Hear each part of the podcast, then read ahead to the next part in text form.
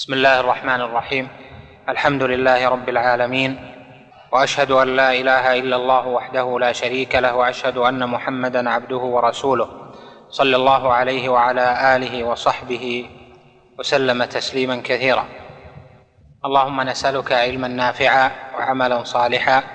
نسالك اللهم العفو والعافيه والمعافاه الدائمه في الدنيا والاخره اللهم هيئ لنا من امرنا رشدا واكتب لنا الخير ومن علينا بالتوفيق في امرنا كله انك على كل شيء قدير اما بعد فقد قال الطحاوي رحمه الله تعالى هنا ونتبع السنه والجماعه ونجتنب الشذوذ والخلاف والفرقه وهذه الجمله ذكرها بعد الكلام على الخروج على الولاه او قتل احد من امه محمد صلى الله عليه وسلم لظهور معنى الجماعه في ذلك وكل ما ذكره من اول العقيده الى اخرها داخل يعني فيما اجمع عليه اهل السنه والجماعه داخل في هذه الجمله فكل مسائل العقائد التي قررها ائمه الاسلام فانها اتباع للسنه وللجماعه وكل مخالفه لهذه العقائد التي دل عليها الكتاب والسنه وقررها الائمه فهي شذوذ وخلاف وفرقه ولهذا هذه الجمله قاعده عظيمه من قواعد العقائد بجميع تفاصيلها كما سياتي في بيان السنه والجماعه وبيان ما يضاد ذلك ان شاء الله وهذا الاتباع الذي ذكره اتباع السنه والجماعه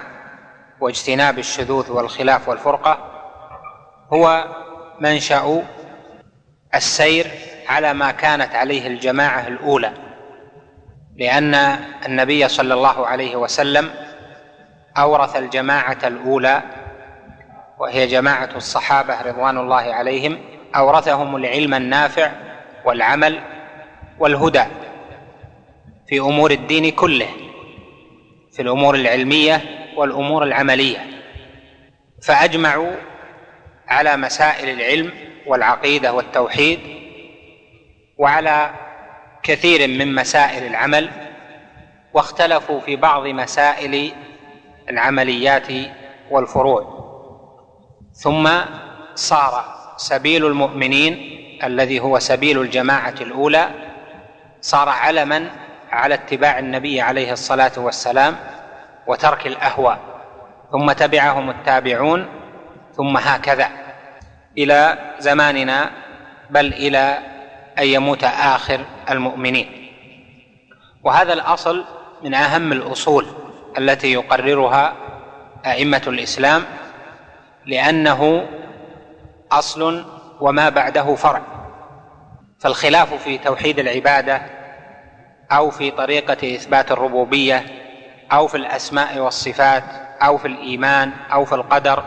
او في الصحابه او في التعامل مع ولاه الامور او في اي مساله من المسائل التي تذكر خلاف الخلاف في ذلك خلاف للجماعة الأولى ولهذا قال من قال من أئمة الصحابة إذا فسدت الجماعة فعليك بما كانت عليه الجماعة قبل أن تفسد ويعني بقوله إذا فسدت الجماعة يعني إذا صارت الجماعة في اختلاف فإن المصيب منهم من وافق الجماعة التي كانت مجتمعة غير مختلفة ولهذا صار هذا الاصل علما على اهل السنه والجماعه اتباع الصحابه والسلف الصالح فسموا اهل السنه والجماعه بهذا الاصل لانهم يتبعون السنه والجماعه وياتي تفسير السنه وتفسير الجماعه وهذا الذي ذكروه هنا اخذوه من النصوص التي لا تحصى في الكتاب والسنه في الامر بالاجتماع نصا او معنى وفي النهي عن الفرقه نصا او معنى فمن ذلك قول الله جل وعلا واعتصموا بحبل الله جميعا ولا تفرقوا ومنه قوله جل جلاله ان اقيموا الدين ولا تتفرقوا فيه ومنه ايضا قول الله جل وعلا ومن يشاقق الرسول من بعد ما تبين له الهدى ويتبع غير سبيل المؤمنين نوله ما تولى ونصله جهنم وساءت مصيرا ومنه قوله ايضا جل جلاله قل اطيعوا الله والرسول فان تولوا فانما عليه ما حمل وعليكم ما حملتم يعني على الرسول ما حمل من بيان السنه وبيان الشريعه وتبليغ ذلك وعليكم ما حملتم من اتباع السنه والجماعه واتباع هدي النبي عليه الصلاه والسلام فحمل الرسول عليه الصلاه والسلام البلاغ وحملت الامه الاتباع والمتابعه ومنه ايضا قول الله جل وعلا قل ان كنتم تحبون الله فاتبعوني يحببكم الله ويغفر لكم ذنوبكم ونحو ذلك من الايات الصريحه اتباع الجماعه والنهي عن الافتراء والسنه فيها من ذلك شيء كثير كقوله عليه الصلاه والسلام وستفترق هذه الامه على ثلاث وسبعين فرقه كلها في النار الا واحده قالوا من هي يا رسول الله قال هي الجماعه وفي روايه قال هي ما كان على مثل ما انا عليه اليوم واصحابي ومنه ايضا الاحاديث التي في خروج الخوارج واختلاف وخلاف الخوارج للصحابه وامر النبي صلى الله عليه وسلم بقتلهم فقال في وصفهم يمرقون من الدين كما يمرق السهم من الرميه اينما لقيتموهم فاقتلوهم فان في قتلهم اجرا لمن قتلهم وذلك لمخالفتهم للسنه والجماعه كذلك قوله عليه الصلاه والسلام في اهل الاهوى يتجارى بهم الهوى كما يتجارى الكلب بصاحبه لا يبقى منه مفصل او عرق الا دخله ومنه ايضا ما صح عنه عليه الصلاه والسلام بقوله الجماعه رحمه والفرقه عذاب ومنه ايضا في قوله من اتاكم وأمركم جميع يريد أن يشق عصاكم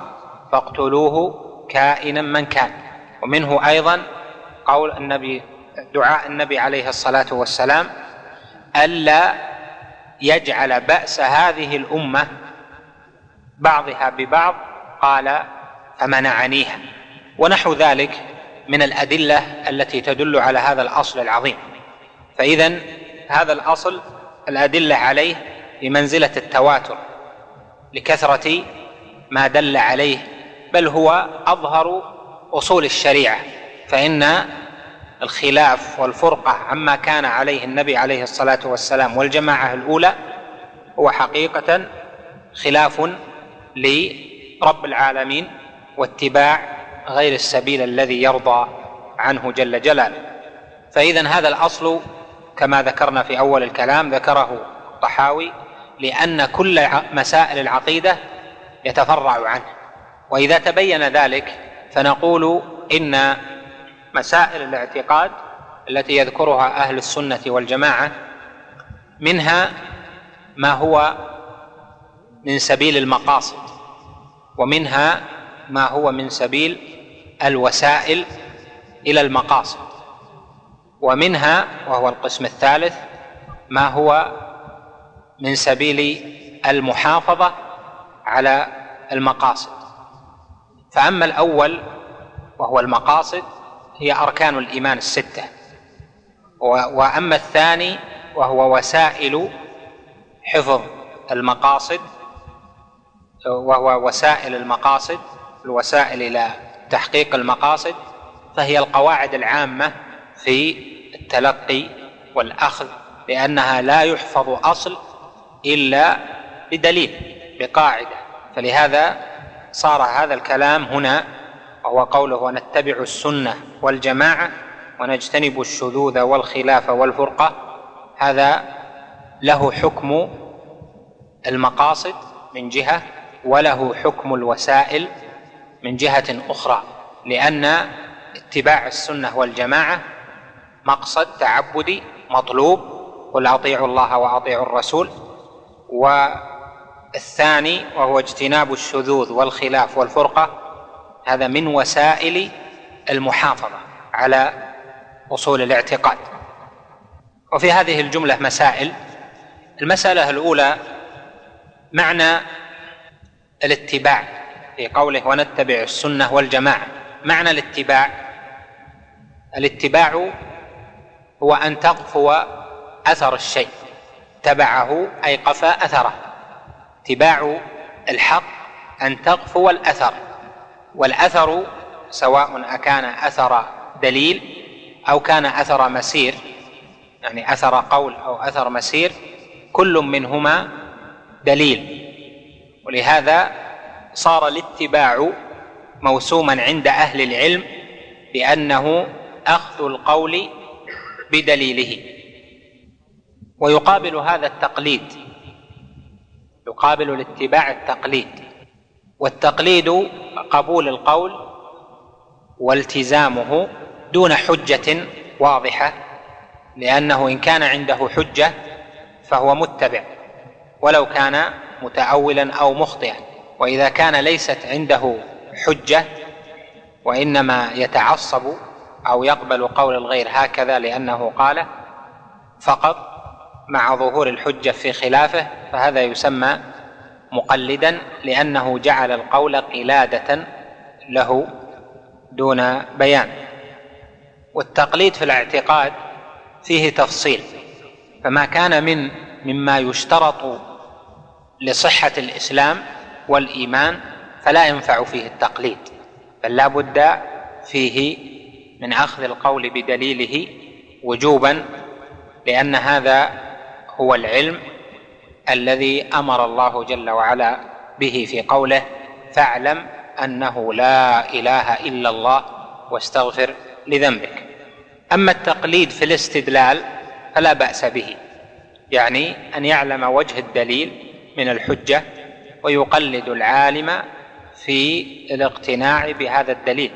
يعني بوجه الاستدلال فهذا لا باس به لان المجتهد في فهم الدليل هذا قليل في الأمة فإذا الواجب وش هو في الاتباع وما يحرم من التقليد في العقيدة وما كان من أصول الإسلام يعني ما لا يصح الإسلام إلا به مثل العلم بالشهادتين وأركان الإيمان الخمسة الستة وفرض أركان الإسلام الخمسة إذا كان التقليد كذلك فهل يشترط استدامه العلم واستصحاب العلم والاتباع ام لا يشترط الذي عليه العلماء المحققون وقرروه ان الاستدامه ليست شرطا وانما يكفي ان يعلم الحق في هذه المسائل في عمره مره بدليله وياخذ ذلك ويقتنع به ياخذ ذلك عن دليل وبينه ثم يعمل بما دل عليه فمن تعلم مساله تعلم معنى الشهادتين في عمره ثم بعد ذلك نسي المعنى او تعلم ادله اركان الايمان ثم نسي او تعلم فرضيه الاركان الخمسه اركان الاسلام او الاربعه العمليه ثم جاءه فتره ونسي فان هذا لا يؤثر ولا ياثم بذلك المهم ان يكون اصل استسلامه عن دليل فيما لا يصح الايمان والاسلام الا به وهذا هو تقليد عند آه، حكم التقليد عند اهل السنه والجماعه ووجوب الاتباع واما المخالفون من اهل الكلام من المعتزله والاشاعره وجماعات فانهم جعلوا العلم الواجب هو النظر او القصد الى النظر او الى اخره من اقوالهم ويعنون بذلك النظر في الكونيات واهل السنه يقولون الاتباع النظر في الادله الشرعيه يعني النظر في الشرعيات واولئك عندهم النظر في الكونيات لانهم جعلوا أن أصل الإسلام والإيمان إنما يصح إذا نظر في برهان وجود الله جل جلاله وأما أهل السنة والجماعة فقالوا وجود الله جل وعلا مركوز في الفطر وإنما يتعلم ما يجب عليه أن يعتقده وما يجب عليه أن يعلمه مما أمر الله جل وعلا به وجعله فارقا بين المؤمن والكافر وبالمقابل التقليد التقليد عندهم في الكونيات وعندنا التقليد في الاقوال والشرعيات وثم تفاصيل لمساله الاتباع والتقليد في مناهج التلقي ما بين اهل السنه والمخالفين المساله الثانيه معنى السنه هنا السنه يراد بها العلم الموروث عن النبي عليه الصلاة والسلام في مسائل الاعتقاد المسائل الغيبية وما يتصل بذلك من الوسائل وما يحافظ به على الأصول فما دلت عليه الأدلة من كلام النبي صلى الله عليه وسلم وكان عليه هديه فإنه السنة الماضية التي يجب اتباعها وترك ما خالفها لأن المسائل العلمية في الغيبيات البيان فيها واضح وليست مجالا للاختلاف وتنوع الآراء والأقوال لهذا سمى طائفة من العلماء ممن صنفوا في التوحيد سموا كتبهم السنة وهي كثيرة جدا كالسنة لعبد الله بن الإمام أحمد والسنة للخلال والسنة لابن أبي عاصم والسنة للطبراني وكذلك السنه في كتب الحديث يعني في اثناء الكتاب قد يبوب بعضه بعضهم بكتاب الاعتصام بالكتاب والسنه او السنه او ما اشبه ذلك فاذا يجمع السنه انه هدي النبي صلى الله عليه وسلم في العلم في هذا الموطن العلميات يعني فيما يعلم ويعتقد فانه فان منهجنا اتباع السنة في ذلك وألا نخوض فيه بالعقليات المسألة الثالثة الجماعة الجماعة تطلق إطلاقين تطلق الجماعة ويراد بها الجماعة في الدين الجماعة في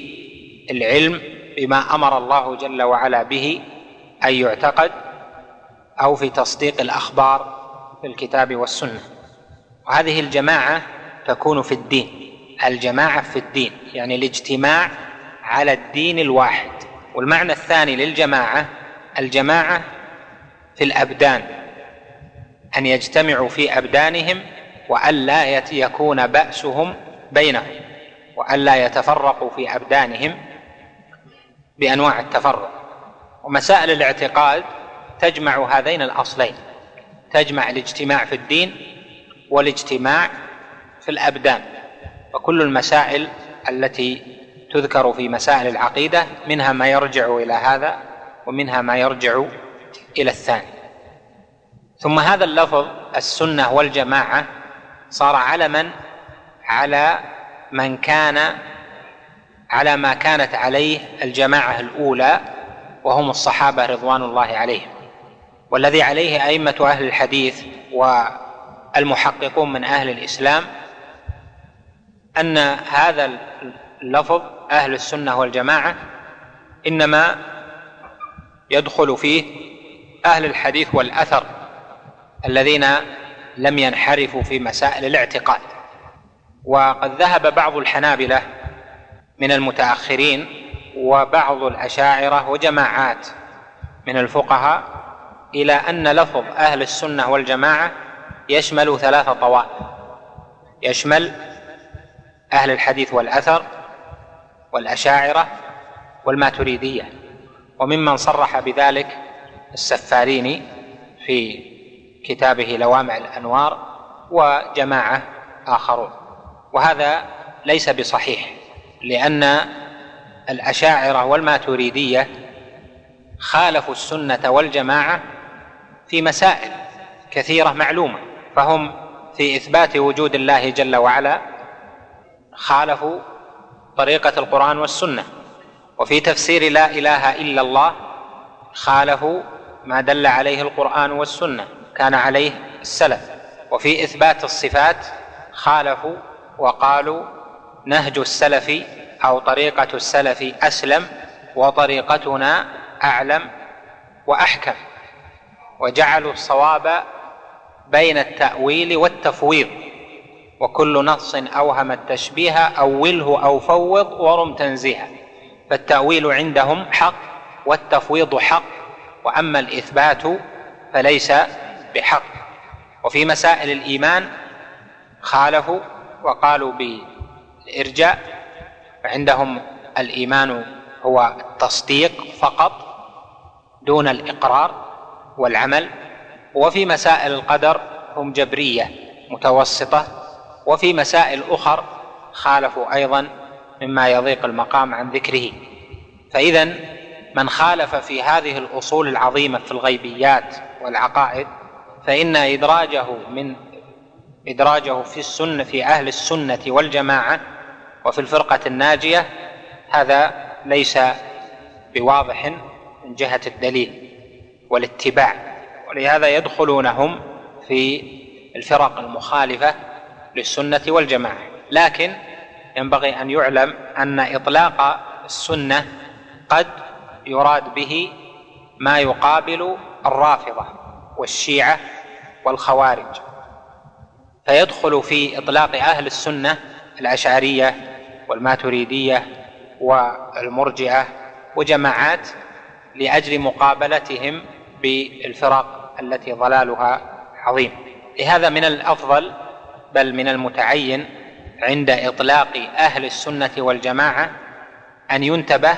ان لا يكون شعارا يدخل فيه من ليس من اهل السنه والجماعه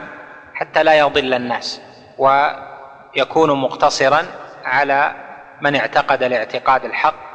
والباقون يمكن ان يقال عنهم اهل السنه ولكن لا يوصفون باهل السنه والجماعه لانهم فرقوا دينهم وكانوا شيعا ولم يقيموا الدين كما امر الله جل وعلا بل فرقوا في ذلك واخذوا ببعض الكتاب وتركوا بعضا كما هو معلوم من تفاصيل اقوالهم المساله الرابعه قوله نجتنب الشذوذ الاجتناب هو الترك ويريد بالترك انه يتركه دينا وتعبدا وتقربا الى الله جل وعلا لملازمته للسنه والجماعه والشذوذ هو الانفراد وقد جاء في حديث وفي اسناده ضعف ومن شذ شذ في النار يعني من انفرد عن الجماعه التي وعدها الله جل وعلا بالجنه فانه سينفرد عنهم ايضا في الاخره في النار هذا من جهة الوعيد فمعنى الشذوذ في العلم والعقيدة الانفراد بأشياء ليس عليها الدليل ولم تكن عليها الجماعة الأولى ولهذا كان الإمام أحمد رحمه الله وجماعة من أئمة السلف يقولون في مسائل العقائد لا نتجاوز القرآن والحديث لأنه إذا تجاوز المرء القرآن والحديث في مسائل الغيبيات والعقائد فإنه لا يؤمن عليه الخلاف ولا يؤمن عليه أن ينفرد بآراء ليست مدللا عليها الشذوذ قد يكون في أصل من الأصول يعني الانفراد وقد يكون في فرع لأصل من أصول الاعتقاد فالشذوذ مرتبتان المرتبة الأولى أن ينفرد ويشذ في أصل من الأصول يعني في الصفات في الإيمان في القدر فهذا بانفراده في الأصل يخرج من الاسم العام المطلق لأهل السنة والجماعة والمرتبة الثانية أن يوافق في الأصول لكن يخالف في فرع لأصل أو في فرد من افراد ذلك الاصل مثلا يؤمن باثبات الصفات واثبات استواء الرب جل جلاله على عرشه وبعلو الرب جل جلاله وبصفات الرحمن سبحانه وتعالى لكن يقول بعض الصفات انا لا اثبتها لا اثبت صفه الساق لله جل وعلا او لا اثبت صفه الصوره لله جل وعلا او اثبت ان لله جل وعلا اعينا او اثبت ان لله جل وعلا كذا وكذا مما خالف به ما عليه الجماعه فهذا لا يكون تاركا لاهل السنه والجماعه بل يكون غلط غلط في ذلك واخطا ولا يتبع على ما زل فيه بل يعرف انه اخطا والغالب ان هؤلاء متاولون في الاتباع وهذا كثير في المنتسبين للسنه والجماعه كالحافظ بن خزيمه فيما ذكر في حديث الصوره وكبعض الحنابله حينما ذكروا ان العرش يخلو من الرحمن جل جلاله حين النزول وكمن اثبت صفه الاضراس لله واثبت صفه العضد او نحو ذلك مما لم يقرره ائمه الاسلام فاذا من شذ في ذلك في هذه المرتبه يقال يقال غلط وخالف الصواب ولكن لم يخالف اهل السنه والجماعه في اصولهم بل في بعض افراد اصل وهو متاول فيه وهذا هو الذي عليه ائمه الاسلام فيما عاملوا به من خالف في اصل من الاصول في هذه المسائل وكتب ابن تيميه بالذات طافحه بتقرير هذا في من خالف في اصل او خالف في مساله فرعيه ليست باصل المساله الخامسه الخلاف قال نجتنب الشذوذ والخلاف والفرقه والخلاف شر ومذموم في الشريعه والخلاف يطلق ويراد به الاختلاف ايضا كما قال جل وعلا ولا يزالون مختلفين الا من رحم ربك ولذلك خلقهم فمدح من لم يختلف وذم من كان في اختلاف واهل الاصطلاح يفرقون بين الخلاف والاختلاف وهذا ليس هذا مورده وإنما في هذا الموضع الاختلاف والخلاف بمعنى واحد وهما شر كما قال ابن مسعود الخلاف شر رضي الله عنه وأرضاه والخلاف له صورتان خلاف في العلميات في العلم والعقيدة وهذا البحث فيه كالبحث في الشذوذ والفرقة الآتي والثاني الخلاف في العمليات يعني فيما يسمى بالفروع والخلاف هذا الثاني في الفروع ليس مباحا او ماذونا به دائما بل قد يكون الخلاف مذموما ولو كان في الفروع وذلك اذا كان سيترتب عليه مفسده في الناس او افتراق او اساءه ظن أو مخالفة لأئمة المسلمين ولهذا ابن مسعود رضي الله عنه في قصته مع عثمان كان يقرر ويذكر أن السنة أن يصلي أهل منى في منى ركعتين للرباعية وعثمان رضي الله عنه صلى الرباعية أربعة وكان ابن مسعود يصلي معه أربعة فقيل له في ذلك قيل له تقول السنة ركعتان وتصلي مع عثمان أربع فقال الخلاف شر هذا من عظيم فقهه رضي الله عنه مع أنه كان بينه وبين عثمان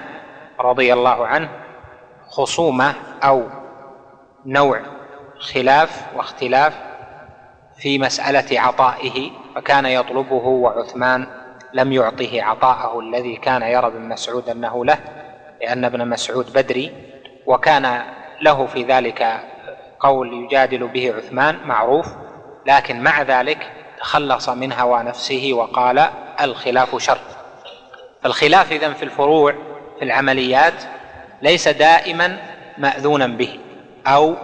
لا يعاب صاحبه بل قد يعاب إذا كان في الخلاف مفسدة وفرقة أو الخلاف يساء به الظن أو يسد أبوابا من الخير ونحو ذلك والطحاوي هنا لا يريد تقرير هذا البحث الثاني وإنما يريد أن الخلاف الذي هو بمعنى الشذوذ والفرقة يجتنب ويحذر منه المسألة الأخيرة السادسة الفرقة هنا بمعنى الافتراء والفرقة أكثر النصوص في النهي عنها والأمر بالجماعة مع النهي عن الفرقة لأنه لا يجتمع الناس إلا إذا انتهوا عن الافتراء والفرقة ولهذا كما قدمت لك بعض الآيات نهى الله جل وعلا عن الافتراء فقال واعتصموا بحبل الله جميعا ولا تفرقوا واذكروا نعمة الله عليكم إذ كنتم أعداء فألف بين قلوبكم فأصبحتم بنعمته إخوانا دل هذا دلت هذه الجملة من الآية على أن النهي عن الفرقة هنا المقصود به الفرقة في الأبدان ثم قال جل وعلا وكنتم على شفا حفرة من النار فأنقذكم منها وهذه الفرقة في الدين وهذا كما في قوله مثلا في سوره الشورى شرع لكم من الدين ما وصى به نوحا والذي اوحينا اليك وما وصينا به ابراهيم وموسى وعيسى ان اقيموا الدين ولا تتفرقوا فيه يعني في الدين فتحصل من هذا ان الادله دلت على ان الفرقه قسمان فرقه في الابدان وفرقه في الدين مقابله للجماعه التي هي جماعه في الدين وجماعه في الابدان وكذلك الفرقه فرقه في الدين وفرقه في الابدان اما فرقه الدين فتكون بانتحال الاهواء والاخذ بطريقه اهل الهوى من الخوارج فمن بعدهم واعظم اهل الاهواء الخوارج يعني ممن خرج على الصحابه ثم بعد ذلك الى ان اتت الملل أو إذا أتت الأقوال الكفرية عند الجهمية والحلولية إلى آخره هذا أعظم افتراق في الدين فإن الله جل وعلا جعل الدين واضحا لا لبس فيه في أصوله وعقائده وفي قواعده العلمية لا لبس فيه ولهذا قال جل وعلا وأن هذا صراطي مستقيما فاتبعوه ولا تتبعوا السبل فتفرق بكم عن سبيله ذلكم وصاكم به لعلكم تتقون فإذا كل أنواع الافتراق التي حدثت إنما كانت لأجل الهوى ولذلك سموا أهل الأهوى هل وجود المتشابه في القرآن والسنة يعتبر سببا في خروج أهل الأهوى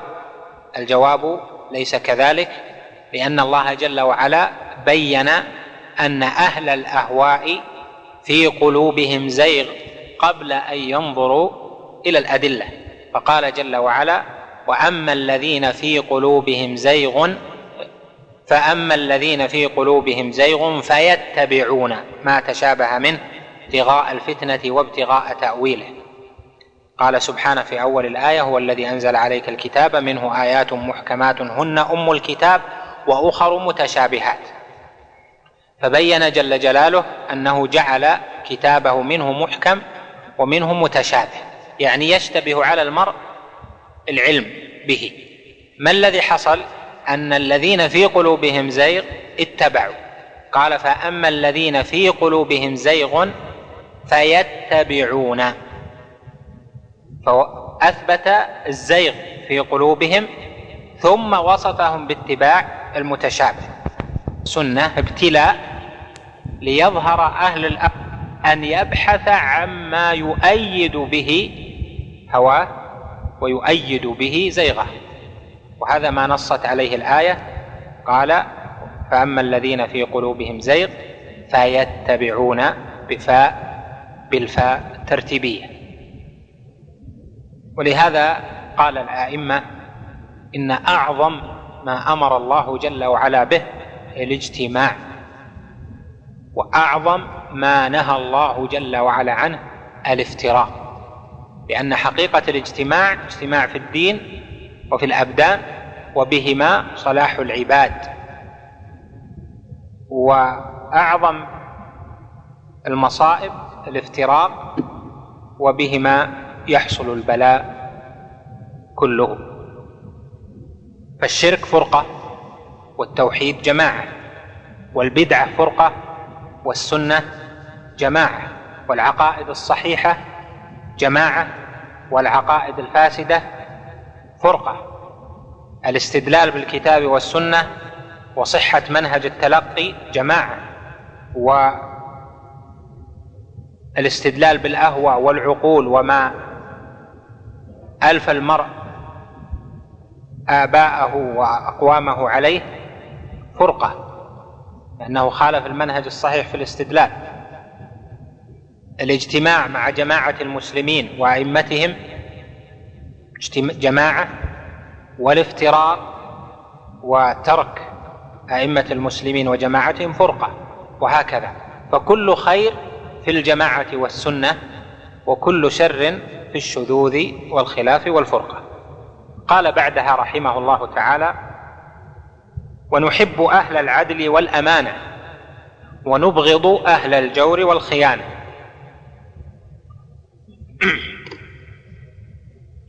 الحب والبغض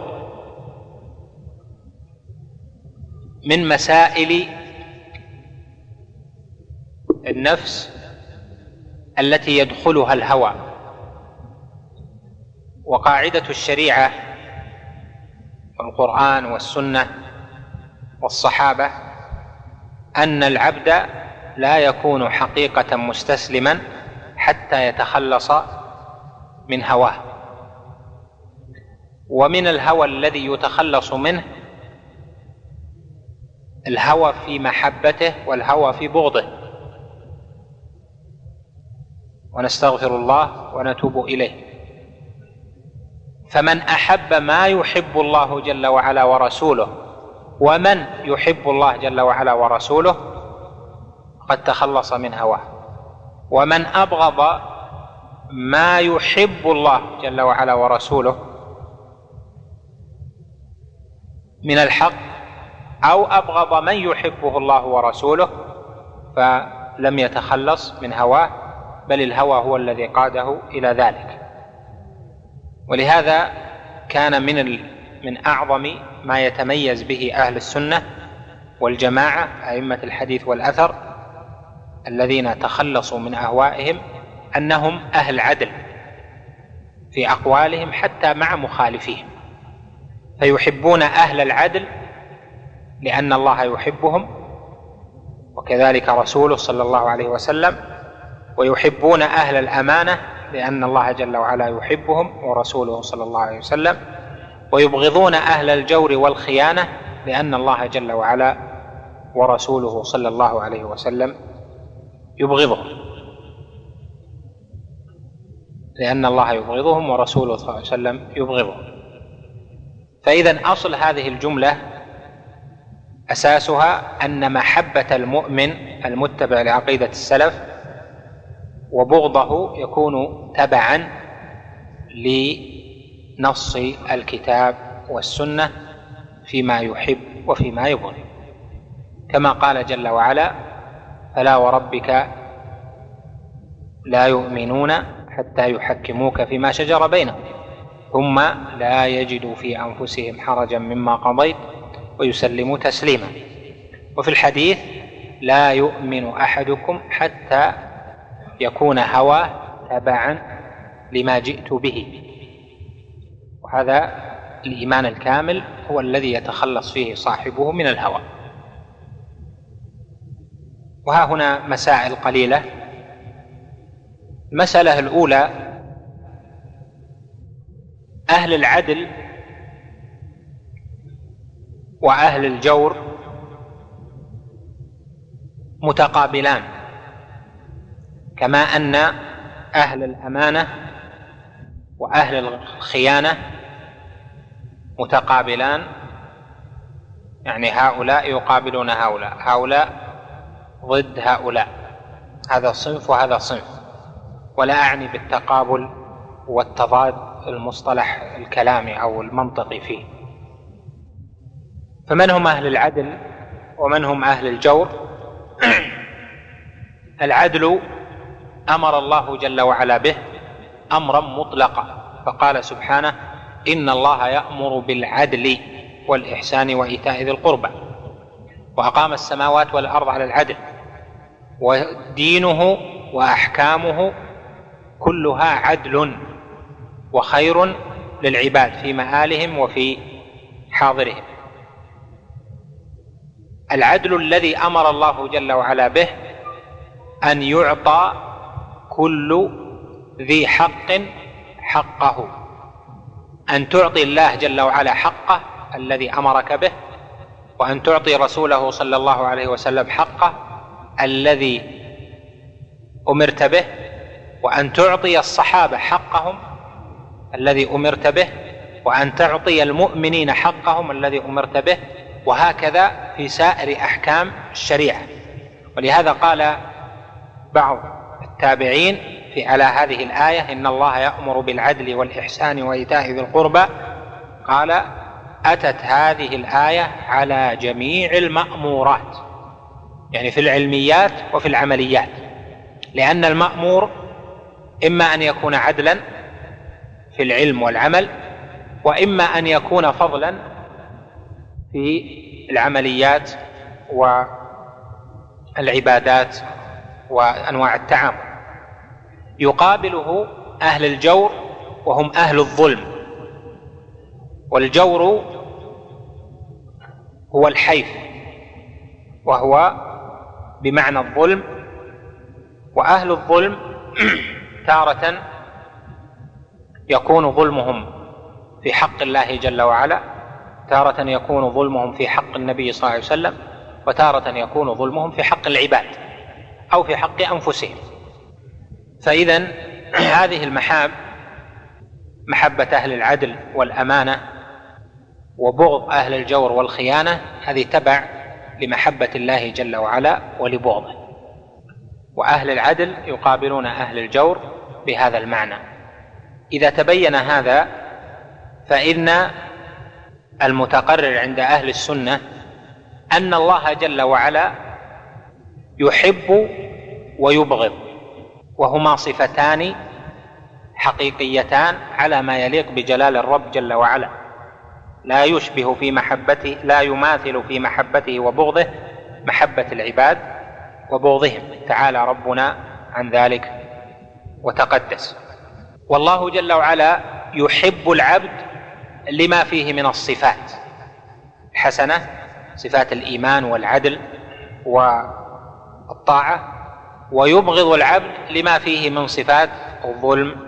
والطغيان او المعصيه والمخالفه ونحو ذلك فاذا قرروا انه يجتمع في حق المعين في صفات الله جل وعلا ان الله يحب العبد من جهه ويبغضه من جهه وهذا يخالف قول المبتدعه الذين قالوا المحبه والبغض شيء واحد فالله جل وعلا يحب العبد الكافر حال كفره اذا كان سيوافيه على الايمان ويبغض العبد المؤمن الصالح حال ايمانه اذا كان سيوافيه على الكفر وهذا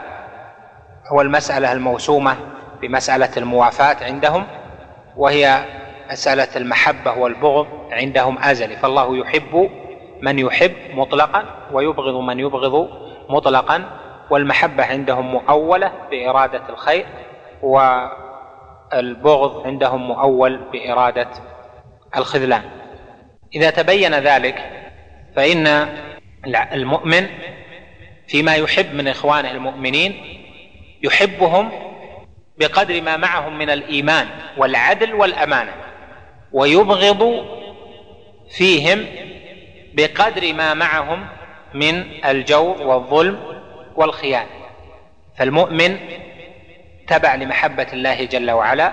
ليس عنده حب كامل او بغض كامل بل يحب بقدر الطاعه ويبغض بقدر المعصيه وهذا من العدل حتى في رغبات النفس وفي اهواء وفي نوازع القلب فإذا يجتمع في المسلم المس... يجتمع في المسلم العاصي الحب من جهة والبغض من جهة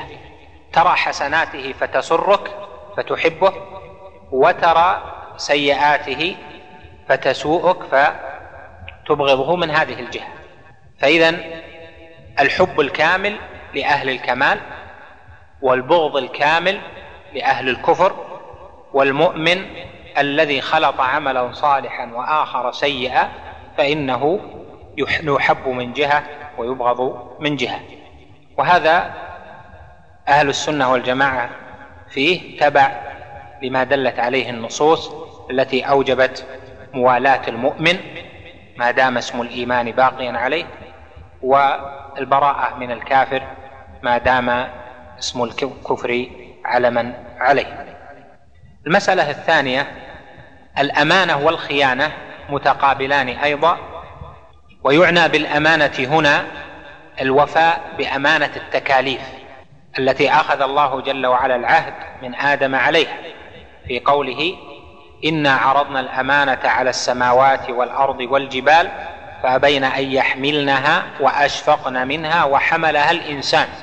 إنه كان ظلوما جهولا واصح الاقوال في تفسير الامانه هنا انها امانه التكاليف يعني ان يقبل انه يخاطب بالامر بالامر والنهي وبعد ذلك الثواب والعقاب والخيانه ضد الامانه وهي عدم رعايه التكاليف فرجع الامر الى ان حقيقه الامانه في معناها الواسع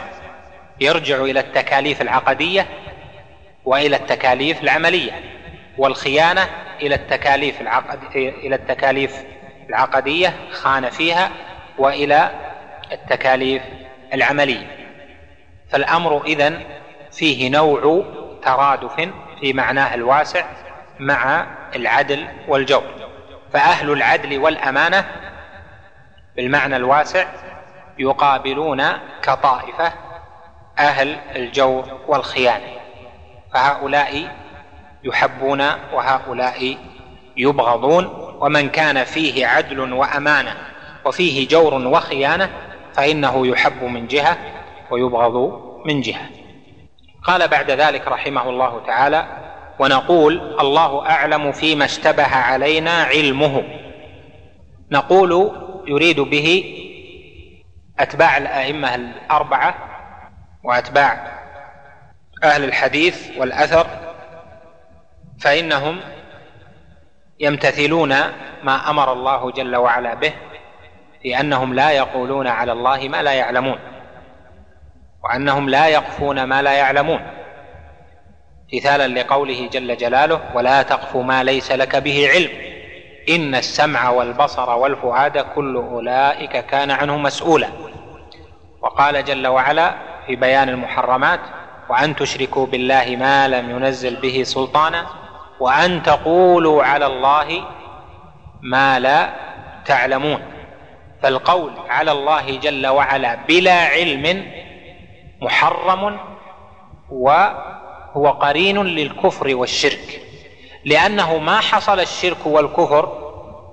وعبادة غير الله جل وعلا إلا بالقول على الله بلا علم سيقول الذين اشركوا لو شاء الله ما اشركنا ولا اباؤنا ولا حرمنا من شيء فاذا كل ضلال حصل انما هو بالقول على الله جل وعلا بلا علم فاهل السنه والجماعه اتباع الحديث والاثر فيهم تخلي عن اهوائهم وغلبه لانفسهم وامتثال لامر الله جل وعلا وامر رسوله صلى الله عليه وسلم فيقولون الله اعلم فيما لا يعلمون لهذا جبريل عليه السلام في القصه في حديث جبريل في سؤاله للنبي عليه الصلاه والسلام الحديث المعروف سؤاله عن الاسلام والايمان الى اخره قال عمر رضي الله عنه في اخره لما ساله النبي صلى الله عليه وسلم يا عمر اتدري من السائل قال الله ورسوله اعلم قال هذا جبريل جاءكم يعلمكم امر دينكم فالصحابه رضوان الله عليهم استعملوا هذا الاصل في عهده عليه الصلاه والسلام واستعمله العلماء والائمه الى وقتنا الحاضر ونذكر مسالتين المساله الاولى قول الله اعلم أفعل التفضيل هنا أعلم إما أن ترجع إلى المتكلم يعني نقول الله أعلم منا أو مني فيما اشتبه علينا علمه أو الله أعلم بحكم هذه المسألة من خلقه الأولى فيها إرجاع للمتكلم والثانية فيها إرجاع إلى الجميع وأفعل التفضيل هنا أعلم ليس معناها اشتراك الجميع في العلم في هذه المسألة لأن العبد إذا لم يعلم شيئا قال الله أعلم ولو أراد مني فإنه لا يعني أن عنده علم قليل ولهذا صار معنى الله أعلم أي الله هو العالم بحكم هذه المسألة فأنا لا أعلم وقول الله ورسوله أعلم لم يذكرها هنا لأنه لا يقال الله ورسوله أعلم إلا في حياته عليه الصلاه والسلام واما بعد وفاته فلا يقال الا الله اعلم لان النبي عليه الصلاه والسلام انقطع عن دار التكليف ودار الوحي الذي هو العلم الذي ينزل به جبريل عليه السلام عليه المساله الثانيه قوله فيما اشتبه علينا علمه الاشتباه يعني به ورود ما لا تعلم مطلقا او فيما تعلم واشتبه عليك هل هو الصواب ام لا ولهذا قال العلماء الاشتباه والمتشابهات المراد منها فيما دل فيما جاء في النصوص منه آيات محكمات أم الكتاب وأخر متشابهات وهنا قال فيما اشتبه علينا علمه المراد بما اشتبه والمتشابهات المتشابه الإضافي النسبي لمن قال هذه الكلمة وأما المتشابه المطلق فيما فيه تكليف علما أو عملا فإنه لا يوجد في الكتاب والسنة فكل ما فيه تكليف من الكتاب في الكتاب أو السنة تكليف بالأوامر والنواهي في العلم أو في العمل فلا يكون مشتبها على الأمة كلها بل قد يشتبه على البعض ويعلمه آخرون لأن الاشتباه الموجود نسبي إضافي بحسب علم العبد لهذا قد يرد على العالم أو على من هو أقل علما أو على الإمام مسائل يشتبه عليه فيها العلم أو لا يعلمها أصلا ترد عليه آية لا يعلم معناها أو مخرجها فيسأل عنها عمر رضي الله عنه سأل عن آيات أبو بكر رضي الله عنه جاء عنه أنه قال أي سماء, تق... أي سماء تظلني وأي أرض تقلني إذا قلت في كتاب الله ما لا أعلم وعمر روي عنه نحو هذه الكلمة وسأل عن تفسير آيات وسئل والصحابة لم يزل بينهم إرجاع في المسائل بعضهم بعضا بعضهم يرجع إلى بعض المسائل فإذا هذا أصل في أن المرأة إذا لم يعلم يقول الله أعلم ويحيل إلى غيره ممن يعلم الاشتباه هنا كما ذكرت لك قد يكون اشتباها في الدليل وقد يكون اشتباها في المدلول في الدليل ما عرفت وجه الدليل أو المسألة لا تعرف دليلها أصلا ليس معنى ذلك أنها ليست بحق لأن علماء الأمة يعلمون دليله أو يكون الدليل معك لكن وجه الاستدلال يشتبه عليك فلا تخض في كتاب الله تفسيرا ببيان وجه استدلال وأنت ليس عندك علم به فتقول الله أعلم هذا هو الدليل لكن إيش وجه الاستدلال الله أعلم لهذا الإمام مالك يذكر عنه أنه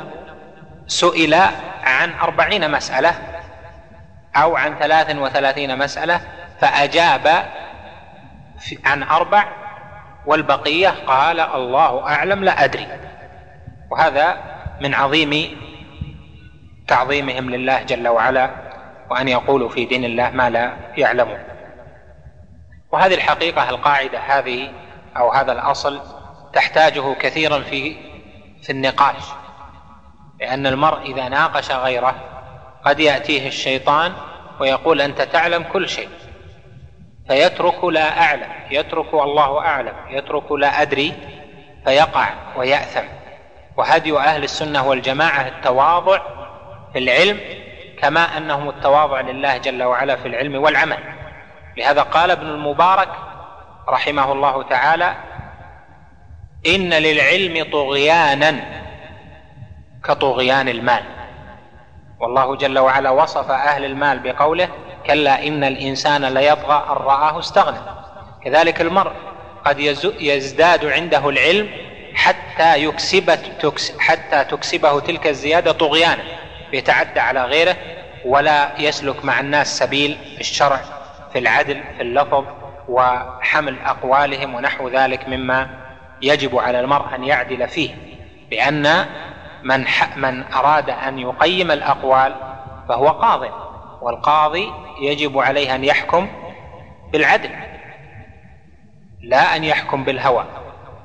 فاحكم بين الناس بالحق ولا تتبع الهوى فيضلك عن سبيل الله والمرء إذا أخطأ الله أعلم جاءه كل غلط يأتيه الآراء الخطأ ويقتنع بها ويؤيدها ثم يتعصب لها ثم يحصل فساد من اقواله لكن اذا عود نفسه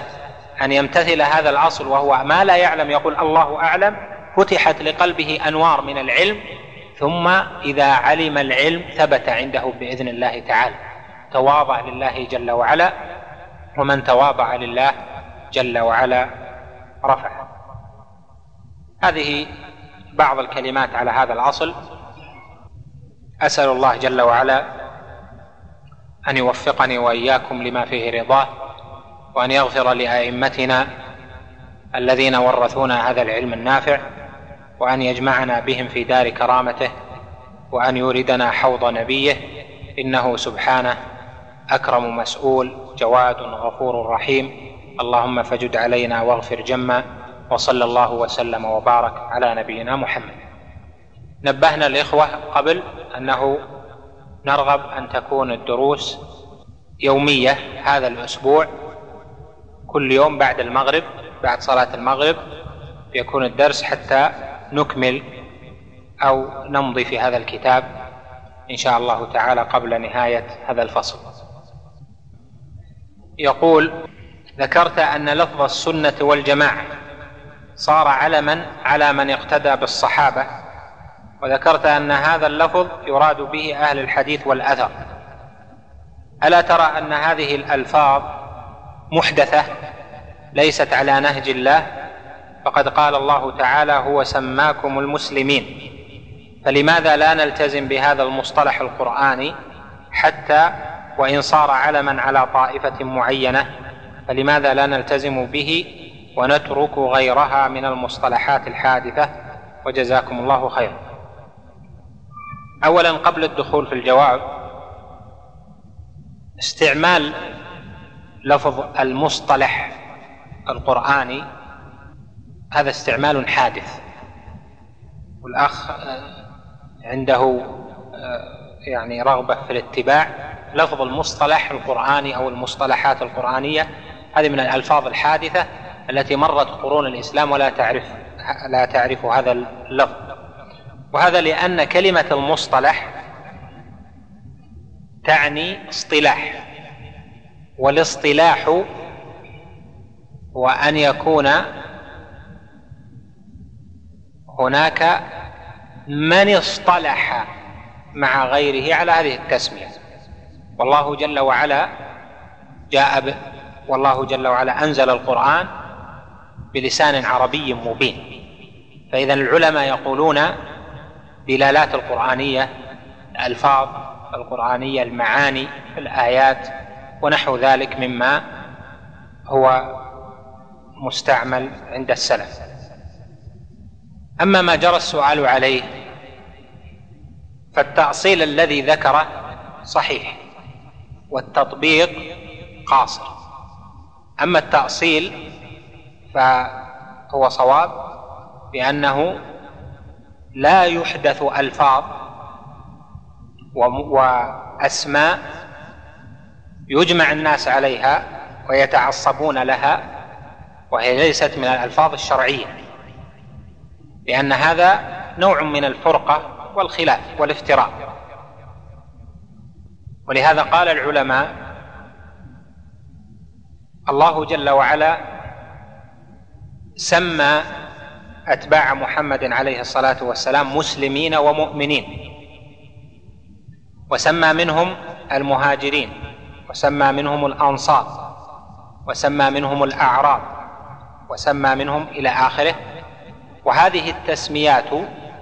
بما أجل مجيئها في القرآن فهي شرعية وهذه التسميات الشرعية إذا تعصب لها مع أنها شرعية صارت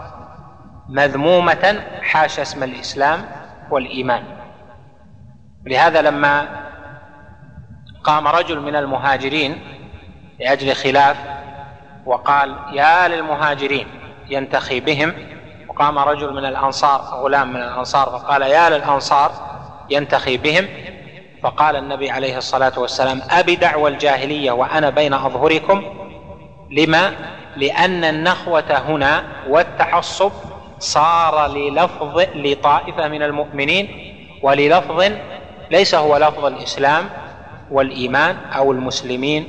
والمؤمنين صار هذا محدثا للتفرق ولهذا قال أبي دعوى الجاهلية لأن الجاهلية هم الذين ينتخون ويتعصبون للأسماء دون بينة وكذلك الأسماء المحدثة في الأمة إذا تعصب لها دون غيرها فإنه يكون ذلك مردودا على أصحابه مثلا اسم الحنابلة اسم الشافعية اسم المالكية اسم السعوديين اسم المصريين اسم الشرقيين المغاربة الشوام إلى آخره هذه أسماء إذا كانت في الأمة لأجل التعريف لأجل التعريف فإن هذا الأمر فيه واسع لكن إن كان ثم تعصب عليها وذم لما خالفها لأجل الاسم أن يمدح الشافعية لأجل أنهم شافعية ويذم الحنابلة لأنهم ليسوا بشافعية أو العكس فإن هذا من التعصب المذموم وهو من التفرق والأخذ بالشعارات أو الأسماء التي لم يدل عليها الدليل إذا تبين هذا هذا الأصل وهو ما ذكره السائل جزاه الله خيرا في سؤاله فإن لفظ السنة والجماعة لفظ السنة والجماعة لفظان شرعيان قد ثبت عنه عليه الصلاه والسلام انه قال عليكم بسنتي وسنه الخلفاء الراشدين المهديين من بعدي وسنته هي سنته وسنه الخلفاء الراشدين هي ما كان عليه الجماعه في وقت الخلفاء الراشدين وفي الجماعه قال عليه الصلاه والسلام في الفراق كلها في النار إلا واحدة قالوا من هي يا رسول الله قال هي الجماعة والله جل وعلا أمر باتباع نبيه عليه الصلاة والسلام فقال وما آتاكم الرسول فخذوه مطلقا في كل مسألة وما نهاكم عنه فانتهوا مطلق في كل مسألة يعني الأخذ بالسنة فإذا الأصل باتباع السنة واتباع الجماعة وتميز والثناء على اتباع السنة والثناء على التزام بالجماعة هذا الأصل موجود في النصوص جاء في زمن الصحابة في أواخره في عهد عثمان في عهد علي رضي الله عنه بدأ خروج أهل الأهواء وأهل الأهواء وهم الخوارج مثلا في أول الأمر ثم الشيعة ثم المرجئة ثم القدرية هؤلاء أهل الأهوى صارت لهم هذه الأسماء وهم مسلمون لا نكفرهم لكن ليسوا آخذين بكل الحق فصار الاسم الذي سموا به علما لهم على ترك بعض الحق والافتراق فإذا تبقى الطائفة الأولى التي كانت مواصلة للمأمور به من السنة والجماعة يبقون يقابلون إن قلنا هؤلاء يعني من مشى على الطريق ولزم السنة والجماعة هؤلاء هم المسلمون فماذا نسمي الآخرين نقول هؤلاء هم المسلمون أيضا إذا لم يصر, يصر فرقا بين السنة والبدعة ما بين الاتباع والمخالفة ولا ما بين الخارج والصحابي فإذا لزم الفرق واسم الإسلام من ورع الصحابة رضوان الله عليهم وعدلهم أن الذين قاتلوهم وضللوهم لم يخرجوهم من الإسلام بل أبقوا عليهم اسم الإسلام واسم الإيمان لكن من كان على وفق ما كان عليه النبي عليه الصلاة والسلام والخلفاء الراشدين تميزوا بالاسم الذي هو الاسم الاصلي وهو انهم اهل السنه واهل الجماعه ولا يصح ان يقال انهم مسلمون فقط لانهم ان قيل انهم مسلمون فغيرهم ايضا مسلمون وهذا التخصيص هذا التخصيص لهم وفي الاصل مطابق لقولهم مسلم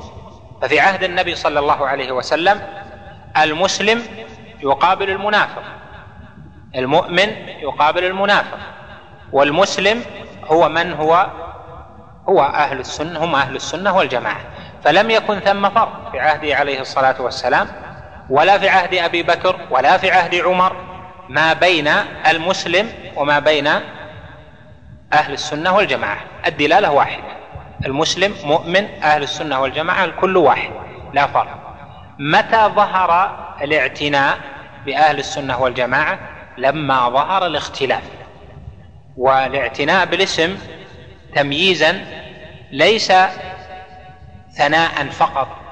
لمن اتبع السنه والجماعه ولكن هو ايضا عدل مع من خالف لان الذي خالف لان لو قلنا هؤلاء مسلمون لكان اولئك نقول كفار كيف تخصون نفس أنتم بالمسلمين والآخرون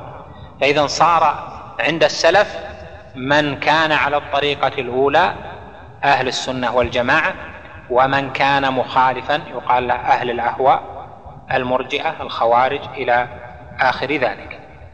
لهذا أجمع أئمة الإسلام على صحة هذه التسمية من أهل الحديث بل ومن غيرهم من الأشاعرة والماتريدية على أن تسمية أهل السنة والجماعة الصحيحة وهذا اتفاق منهم على ذلك فالتسمية صحيحة مجمع عليها لكن دلالتها مختلف فيها والاختلاف في الدلالة لم يرد له ذكر في السؤال وإنما كان السؤال إحداث الاسم فإيضاحه بما مر والله الموفق من هم النزاع من القبائل هل هو الرجل الذي يخرج من قبيله إلى قبيلة أخرى لا يعني القليل النزاع من القبائل يعني القليل منهم هل لصلاة المغرب سنة قبلية ثم وهل تقضى إذا فاتت المغرب صلاة المغرب ليس له سنة قبلية بمعنى سنة راتبة لكن من أتى وصلى قبل المغرب فالصلاة قبل المغرب سنة ومستحب لكن ليست راتبة النبي عليه الصلاة والسلام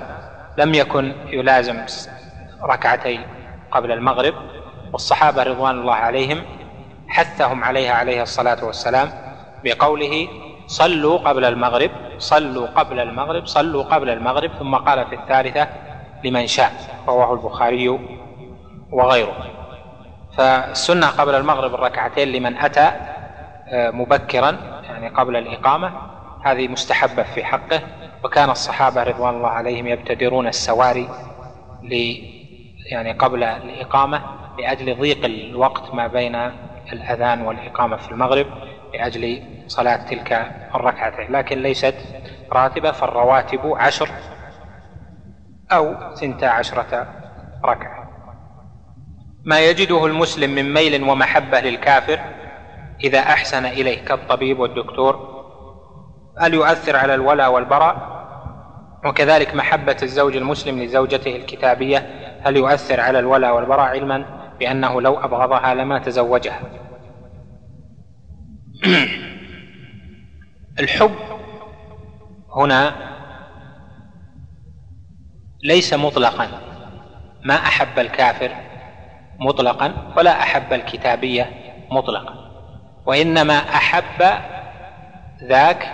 لاجل النفع الذي وصل اليه منه وهذا محبه في الواقع لنفسه لامر دنيوي ولهذا ذكر العلماء ان محبه الرجل لزوجه الكتابيه لا باس به لانه كما ذكر لو لم يحبها فانه أو أو يكون مع له مود لها مودة في قلبه لما أبقاها معه لكن المحبة التي هي في الولاء والبراء من حقيقة الولاء والبراء المحبة والبغض المحبة لدينه ومن أحب الكافر لدينه فإنه يكفر أو المحبة لدنياه مطلقا وهذه موادة له لا تجوز ونوع موالاة والثالث محبة مقيدة لأجل النفع المقيد الحاصل له منه فهذه فيها سعة لأجل أن النفوس جبلت على حب من أحسن إليها والذي ينبغي من جهة الكمال أن يكون تعامل المرء مع الكفار تعاملا ظاهريا بالعدل ولا يكون في قلبه ميل لهم ولا موده لهم وانما اذا احسنوا اليه فانهم فانه يحسن اليه استدل اهل العلم على هذه على هذه الصوره الثالثه بحديث أظنه حديث أسماء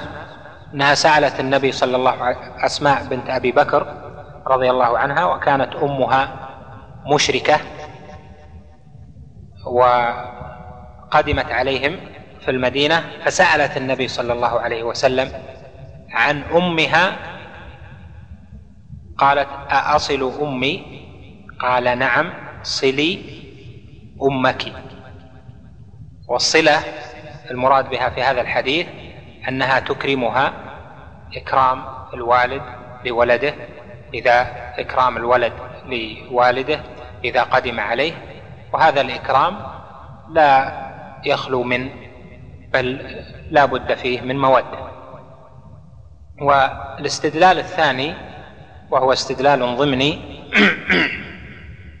بأن الله جل وعلا نهى عن الإحسان إلى المحاربين وأذن بالصلة والإحسان لمن لم يحارب من الكفار فقال جل وعلا لا ينهاكم الله عن الذين لم يقاتلوكم في الدين ولم يخرجوكم من دياركم أن تبروهم وتقسطوا إليهم إن الله يحب المقسطين إنما ينهاكم الله عن الذين قاتلوكم في الدين واخرجوكم من دياركم ان تولوهم وظاهروا على اخراجكم ان تولوهم ومن يتولهم فاولئك هم الظالمون وقوله هنا ان تولوهم في وصف المحاربين يدل على ان غير المحاربين له نوع موالاه جائزه بالاحسان والموده الجزئيه ونحو ذلك وهذا واضح بالمقابله المقصود من ذلك ان يعلم آه، ان يعلم ان الولاء والبراء للكافر يعني المعين ثلاث درجات الموالاه محبه الكافر لكفره هذا كفر ومحبته وموادته واكرامه للدنيا مطلقا هذا لا يجوز ومحرم ونوع موالاة مذموم والثالث وهو أن يكون في مقابلة نعمة أو في مقابلة قرابة فإن نوع المودة الحاصلة أو الإحسان أو نحو ذلك في غير المحاربين هذا فيه رخصة والله جل وعلا أعلم وصلى الله وسلم على نبينا محمد بسم الله الرحمن الرحيم الحمد لله رب العالمين والصلاة والسلام على أشرف الأنبياء والمرسلين نبينا محمد وعلى آله وصحبه أجمعين قال العلامة الطحاوي رحمه الله تعالى ونرى المسح على الخفين في السفر والحضر كما جاء في الأثر والحج والجهاد ماضيان مع أولي الأمر من المسلمين برهم وفاجرهم إلى قيام الساعة لا يبطلهما شيء ولا ينقضهما ونؤمن بالكرام الكاتبين فإن الله قد جعلهم علينا حافظين ونؤمن بملك الموت الموكل بقبض أرواح العالمين بسم الله الرحمن الرحيم الحمد لله والصلاة والسلام على رسول الله وعلى آله وصحبه ومن اهتدى بهداه اللهم نسألك العلم النافع والعمل الصالح المغفرة للذنوب والقبول للعمل اللهم لا تكلنا لأنفسنا طرفة عين ووفقنا إلى ما تحب وترضى انك جواد كريم اما بعد فيقول العلامه الطحاوي رحمه الله ونرى المسح على الخفين في السفر والحضر كما جاء في الاثر يريد بذلك ان اهل السنه والجماعه المتبعين للاثار لا يعارضون الاثار الثابته عن رسول الله صلى الله عليه وسلم وعن صحابته الكرام بالاقيسه او بالدلالات العقليه وانما يجعلونها مقدمه على ما هو دونها من القياس والدلاله العقليه ونحو ذلك لان منهج الاستدلال عندهم ان يؤخذ بما جاء في الكتاب والحديث عن النبي صلى الله عليه وسلم فما جاء في القران حق وما جاءت به السنه حق والحق يعضد الحق ولا يعارضه او يناقضه بل هذا يدل على هذا كما ان السنه تدل على القران وتبينه وهذه المساله كما هو ظاهر مساله المسح على الخفين هي من مسائل الفقه لا من مسائل العقيده ولكن ادخلت في مسائل الاعتقاد لاجل ان اهل السنه تميزوا عن غيرهم من تميزوا عن عدد من الفرق بانهم يرون المسح على الخفين والمخالف في ذلك هم الخوارج اعني طائفه منهم والرافضة وفئام أو وعدد من الناس مختلفون في أماكنهم لا ينسبون إلى فرقة من الفرق فلأجل مخالفة تلك الفرق صارت المسألة من المسائل العقدية لأنها تميز أهل العقيدة الحقة من الفرق الباطلة فصارت هذه المسألة وهي المسح على الخفين صارت على من يفرق به ما بين السني وما بين الرافضي والخارجي ونحوهما ولهذا فإن مسائل الاعتقاد أعني المسائل التي تذكر في العقيدة في مصنفات أهل السنة في الماضي وفي الحاضر على أقسام منها ما هو في بيان اركان الايمان السته والقسم الثاني ما تميز به اهل السنه عن غيرهم في مسائل المعامله معامله ولاه الامر او معامله المبتدع او معامله العصاه في الامر بالمعروف والنهي عن المنكر او التعامل مع صحابه رسول الله صلى الله عليه وسلم وزوجاته عليه الصلاة والسلام وهكذا والقسم الثالث ما هو من المسائل الفروعية لكن القول بها صار علما لأهل السنة في مقابلة بعض فرق الضلال فتذكر في العقائد لأنها ميزة لهم في مقابله الفرق التي خالفت في ذلك والقسم الرابع اخلاق اهل السنه وصفاتهم التي تحلوا بها من العباده واحتقار النفس والعمل الصالح والامر والجهاد والدعوه والاحسان الى الخلق والتواضع ونحو ذلك من المسائل التي ربما ذكرها بعض الائمه في مصنفات الاعتقاد وهذه المساله التي ذكرها الطحاوي هنا من القسم الثالث وهي المسائل الفروعيه التي صارت علما التي صارت علما لاهل السنه في مقابله بعض فرق الضلال وها هنا مسائل المسألة الأولى قوله نرى المسح على الخفين كلمة أرى ونرى إذا قالها العالم فيعني بها ما رآه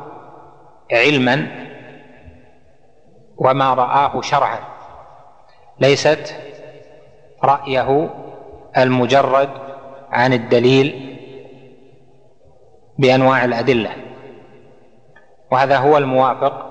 لهذه المساله ولغيرها فاذا قال الامام ارى ان يكون كذا فيكون معتمدا على احد الادله وانواع الادله عند الاصوليين ثلاثه عشر دليلا منها وهو اولها النص من القران ثم النص من السنه ثم الاجماع ثم القياس الى اخر الأدلة المعروفة والذي يرى هنا المقصود بهم أهل السنة وهؤلاء منهم أهل الأثر ومنهم بعض الفرق التي تخالف في الصفات فهذه المسألة كما ذكرت لك خالف فيها الروافض والخوارج وأعداد عدد من العلماء أو من الناس مختلفين في فرقهم المسألة الثانية المسح على الخفين جاء في الأثر عن النبي صلى الله عليه وسلم وهو متواتر لأنه منقول عن نحو ثمانين من الصحابة رضوان الله عليهم فنقله من حيث الدليل بالسنة متواتر وكذلك نقله فئام من الامه بل نقلته الامه جيلا بعد جيل بالرؤيه وبالعمل فهو متواتر نقلا ومتواتر عملا واما المسح على الجوارب فليس كذلك لأنه نقل عن نحو سبعة أو ثمانية من الصحابة أو أكثر بقليل ولهذا المسح على الجوربين فيه خلاف عند أهل السنة بالخلاف الفقهي المعروف أما المسح على الخفين فهو أصل من الأصول العظيمة في العمل لأن النبي عليه الصلاة والسلام تواتر عنه المسح وفعله صحابته وتواتر عنهم ونقلوه نقلا قوليا وعمليا والاثار فيها مسحه عليه الصلاه والسلام على الخفين في اسفاره وفي الحضر ايضا كما قال عليه الصلاه والسلام يمسح المقيم يوما وليله ويمسح المسافر ثلاثه ايام بلياليهن